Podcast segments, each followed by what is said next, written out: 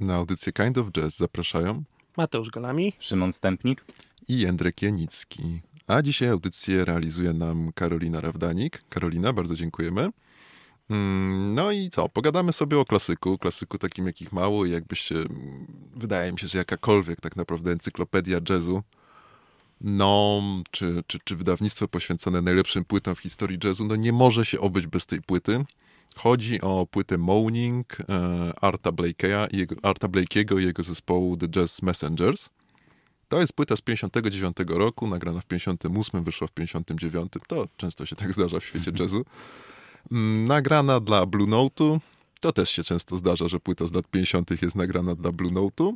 No i w ogóle Jazz Messengers to jest y, specyficzny skład, ale jeszcze może zanim o Jazz Messengers, to powiem wam panowie, że i naszym słuchaczom oczywiście, bo wy to na pewno, na pewno, na pewno wiecie doskonale, że to jest płyta, która początkowo się nazywa Art Blakey and the Jazz Messengers, natomiast ta nazwa Moaning, którą my się posługujemy i którym wszyscy się teraz posługują na dobrą sprawę, no to była nadana później w takim obiegu, powiedzmy, prasowo-medialno-radiowym, ze względu na to, że ten pierwszy utwór, który znalazł się na tej płycie, to właśnie było Moaning i popularność tego utworu no, była monstrualna.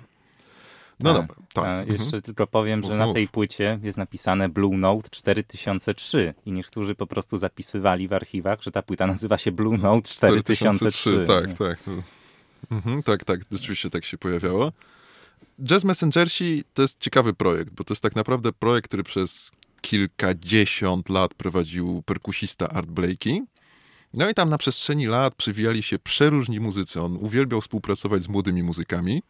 I to jest taki synonim takiej kuźni talentów, można powiedzieć, że, że, że jak ktoś się pojawił w Messengersach, Jazz Messengers, to znaczy, że był wyjątkowo utalentowanym muzykiem, a Art Blakey chciał grać właśnie z młodymi. Oni dawali mu ponoć sporo świeżości. No, no właśnie śmieję się z tego, bo Art Blakey mówił, że jeżeli jego muzycy się starzeją, no to on bierze już młodych, a tamtych wyrzuca z zespołu. Następnych, tak. No, Okej, no ale to też można pozytywnie, że jak już wykształcił tych młodych muzyków, czyli oni już wiedzieli, co się robi w tym świecie jazzu, no to szli jakby na swoje, a on kolejnych. Jak taka szkółka piłkarska, trochę już nie będę podawał nazwy szkółki piłkarskiej, bo mi przyszło do głowy pewna. No ale dobra, mniejsza z tym. Tak, i to ciekawe, że, że ten skład Jazz Messengers to, to nie była taka właśnie y, taka szkoła mistrzowska nawet, tylko to, to był pełnokwisty zespół jazzowy, który też y, jakby no, zawsze starał się być y, y, w, w klimatach tego, co się mniej więcej grało w, w danym czasie w jazzie, czy, czy co było modne. Nawet tam w swoim czasie już tak pod koniec bardziej eksperymentował z fusion, z funkiem, Mhm. prawda? Więc, więc y, rzeczywiście bardzo taką dużą ewolucję te, te, ten skład przeszedł. Rzeczywiście Art Blakey jako, jako band leader i, i, i taka postać mm, mentorska, prawda, rzeczywiście przewodził do, do śmierci tej, tej grupie. Mhm, tak, i by tam naprawdę oni się starali, znaczy on, bo to był jego projekt na dobrą sprawę, ym, starał się być bardzo na czasie. I pojawiali się tacy muzycy na trąbce, grał Clifford Brown na początku, ale później Chuck Mangione, em, Randy Brecker chyba nawet grał w Jazz Messengersach. Keith na, Jarrett Keith. Jarrett, No, tak, tak, tak, to tak. jako, jako pianista. Thelonious Monk się pojawił. No naprawdę tam cała śmietanka się przewinęła.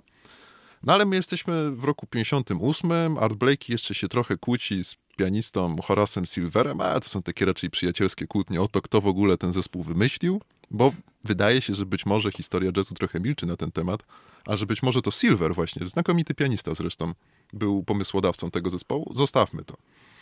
Mamy zespół z 58 Arta Blakey'a, Arta Blakey'a który nagrał, nagrał właśnie płytę Moaning, czyli mamy pianistę Bobiego Timonsa, mamy trębacza Lee Morgana, mamy saksofonistę Benego Golsona i mamy muzyka, który zrobił niewielką karierę, czyli kontrabasistę Jimmy'ego Merita. W ogóle te losy się różnie plotły. Timons, wybitny e, pianista, młodo zmarł, przed 40 był, a Lee Morgan, no, jeden z najlepszych trębaczy swojego pokolenia, później nagrał taką genialną płytę Sidewinder w 70 którymś roku. No, zginął marnie, skończył marnie, bo został zastrzelony przez... Kochan... Nie, żonę, przez za- żonę. zazdrosną partnerkę po To prostu. nie była, była żona? No dobra, nieważne. No, zazdrosną partnerkę, taką znam wersję tej historii i między setami jakiegoś koncertu, więc, więc krwawa historia.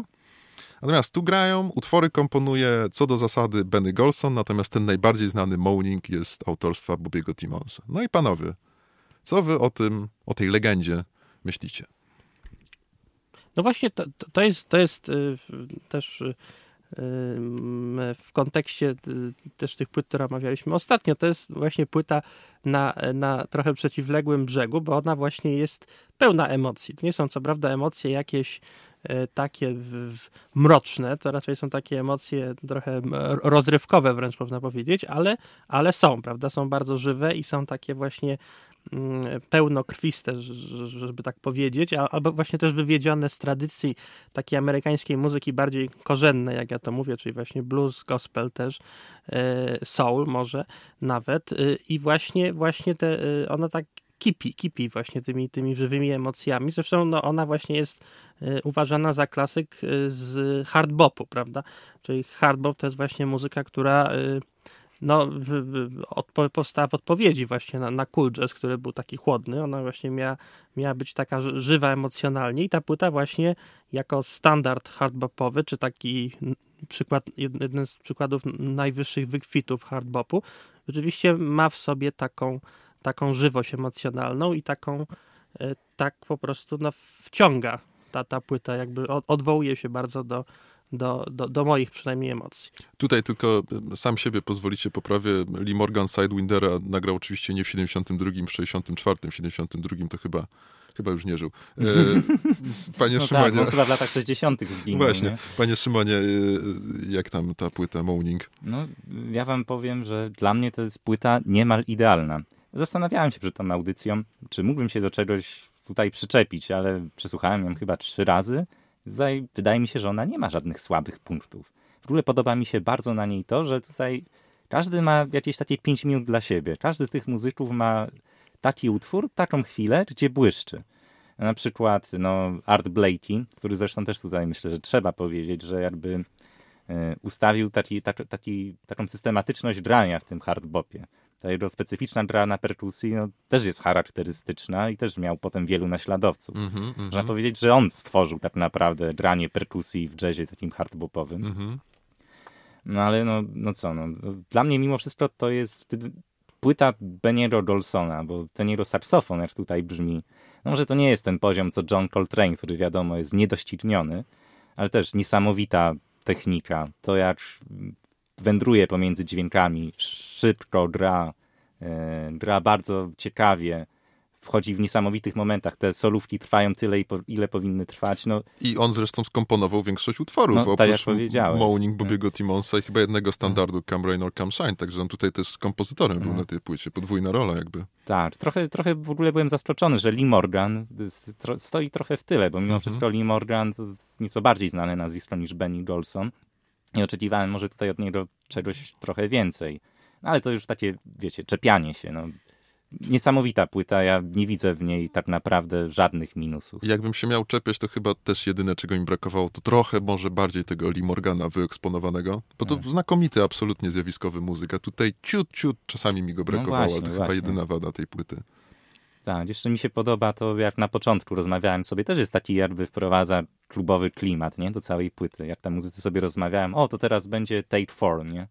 Tak, tylko że to, to jest, jest coś, co pojawiło się w którejś reedycji tej płyty. Aha, czyli na pierwotnie nie tak, było. No, pierwotnie nie było tej rozmowy, zaczynało się pierwszymi taktami moaning po prostu. Ty, Mateusz, widzisz jakieś wady może na tej płycie? No właśnie tak przysłuchuję się wami, też, też mi żadne wady nie przychodzą do głowy. No, Oczywiście płyta jest, jest bardzo dobra, jest bardzo ciekawa, bardzo ekspresyjna, żywiołowa, emocjonalna, taka serducha, jak to się mówi. E, no, nie wiem, jedyny może zarzut, ale to właściwie ciężko mówić jako zarzut, bo to jest też, też pewna cecha stylistyki jazzu, jaki, jaki wtedy panował, prawda, że to jest jakby e, no taka płyta stricte amerykańska, prawda, to znaczy mhm. zresztą sam e, sam Art Blakey mówi, że, że on właśnie się inspiruje tym tą tradycyjną muzyką, on nawet nie mówi o jazzie, tylko mówi, że klasyką amerykańską, prawda? To, czyli chodzi mu o to, że, że jego zdaniem jazz to jest, to jest coś takiego jak muzyka klasyczna w Europie. To jest, to jest takie dziedzictwo muzyczne na najwyższych lotów, prawda? I on rzeczywiście się, się tą tradycją inspiruje, ale, też amerykańska tradycja to jest nie tylko jazz, ale właśnie gospel, rhythm and blues, czy, czy, czy właśnie soul, prawda? I on też, też po to sięga, więc to wszystko jest, jest bardzo ciekawe pod tym względem i takie zróżnicowane, zniuansowane, prawda?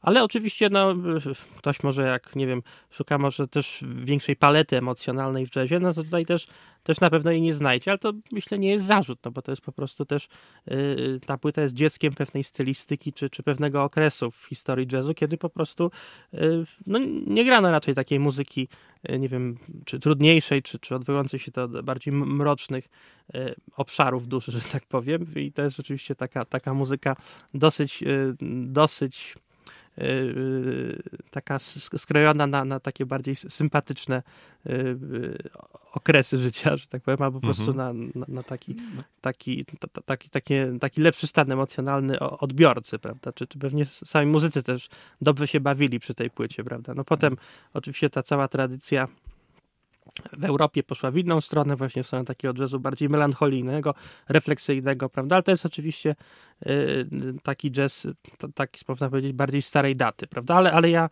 y, też takie rzeczy lubię i, i, myślę, że, że w tej kategorii, w tej swojej kategorii to jest, to jest wielka płyta.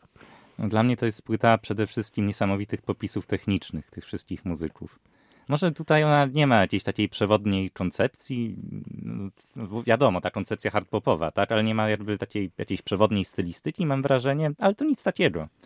E, w tej płycie chodziło o to, by eksponować możliwości techniczne tych wszystkich, prawda, tutaj muzyków i to się udało na tej płycie. No, ale te kompozycje są dobre. To nie są tylko popisówy kolejnych muzyków, bo takie moaning, wierzcie mi albo nie, ale kiedyś byłem na weselu, raz w życiu byłem na weselu i godzina była taka typowo weselna, czyli między trzecią a czwartą i wyobraźcie sobie, że pianista zaczął grać motyw z Moaning. Byłem absolutnie zszokowany. Myślałem, że tu już jakieś mam osłuchy czy coś takiego, a tam się znałem, wjeżdżało Moaning, więc tutaj tak. rzeczywiście jest to, o czym Mateusz mówi, takiej radości w graniu sporo. To, to jest bardzo takie charakterystyczne, właśnie, kompozycje charakterystyczne w Moaning. A bardzo, to mus, ale no. musiało być wesele w jakimś dużym mieście, bo nie wiem, gdzieś tam na wsi. Wyobraź sobie, że małe miasto tak? bardzo było, no, tak, ciekawe. tak. Kiedyś no. organista w moim kościele zaczął grać, tylko jedno w głowie mam na, na, na klawiszach. Ale tylko ja to ogarnąłem.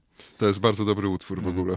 No ale, ale to, to może trochę inna stylistyka, nie mówimy tak. czy gorszy, czy lepszy, ale bardzo dobry. Tak. Ale właśnie, y, a propos Moaning, bardzo mi się podobało w tym utworze, że tam jest ten dialog taki, nie? Perkusji, perkusji z tą sekcją Denton. Da, da, da, da, dum, dum. Tak jakby, wiecie, dwa różne instrumenty rozmawiały ze sobą. Bardzo mi się to podobało. To prawda, to prawda. A tej tradycji, o której Mateusz wspominałeś, ja ją najbardziej słyszę w takim utworze Blues March, który zresztą zagramy dzisiaj gdzie jest takie ewidentnie nawiązanie do tradycji tych takich marszów nowoorlańskich i tego, tego Nowego mhm. Orlanu, no strasznie dużo w tym słychać. Ja bym chciał wyróżnić dwóch muzyków. Arta Blakey, absolutny mistrz, tutaj bardzo takie dynamiczne granie, ale nadal on swinguje. Yy, właśnie, bo jest taki jeden utwór, yy, on się nazywał, sobie zapisałem The Drum Thunder, Thunder Suite. Mhm.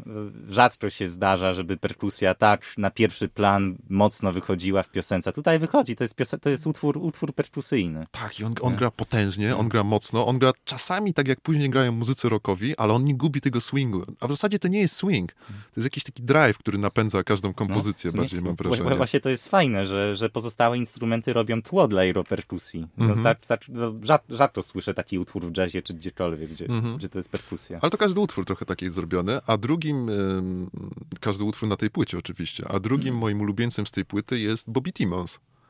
Czyli jego, czyli pianista, kompozytor też jednego utworu tutaj z tej płyty, którego tak Boże bardzo wyraźnie nie słychać, ale jak się wsłuchamy w tego partie solowe, one są brudne, one są jakby niedociągnięte, one są takie nie, jakby z trzewi wychodziły. To jedyny pianista jazzowy, który dla mnie gra podobnie, to Wade Ledge od, od Charlesa Mingusa. Długo się utrzymał Mingusa zresztą. Ta. On zna swoje miejsce na tej płycie. No nie wychodzi przed szereg, ale no to tak jakby być może słusznie. To, to, to jest jednak płyta Beniego, Dolsona i Arta Ble, Ble, Ble, Blake'ego. Mhm, Blake'ego, tak. Ale właśnie ta, to, to, to, to, pianino, ono jest takie, takie mniej jazzowe, bardziej bluesowe, bym powiedział. Mhm. Właśnie, właśnie ten, ten brud taki, o którym mówisz, i takie właśnie, y, takie trochę celowe niedbalstwo jakby tej gry, to ono właśnie jest, jest rodem z bluesa, wydaje mi się, prawda, z takiego właśnie, y, z takiej improwizacji, ale właśnie nie jazzowej, tylko bluesowej. Tak. To może jeszcze Winton Kelly kiedyś poruszał się później, nie? Jak, jak z mhm, Milesem nawet mhm. nagrywał trochę w podobnym klimacie. No, ja, ja, nie mam nic do dodania, szczerze. To- Powiedziałeś wszystko, co wiesz, tak? No, wszy- wszystko, co wiem. No, ja tak jak mówię, no, Jak nie, ben, nie, nie będę się tutaj kłócił, to jest, wiecie, to te, jak w tej przypowieści o dwóch rabinach, nie? że się spotykają i o czym mają rozmawiać, skoro wiedzą wszystko. Tak, no to rzeczywiście płyta, na której się wszystko zgadza, jak się wydaje, i jeżeli nie macie nic przeciwko, to możemy chyba powoli przechodzić do, do tego, co najważniejsze, czyli do muzyki. No i zagramy sobie dzisiaj dwa utwory, czyli to osławione, które pojawia się nawet na weselach Moaning, czyli otwierające płyty kompozycja Bobiego Timonsa, blisko 10-minutowa. No i tak jak wspominałem, ten Blues March, czyli takie nawiązanie do tradycji nowoorlańskiej, ale też z fantastyczną partią jeszcze raz pianisty Bobiego Timonsa. I perkusji. O, o, perkusji, wiadomo, wiadomo, wiadomo. Także co, zapraszamy Jazz Messengers, a my bardzo dziękujemy. Dziękujemy bardzo. Do usłyszenia. Dzięki.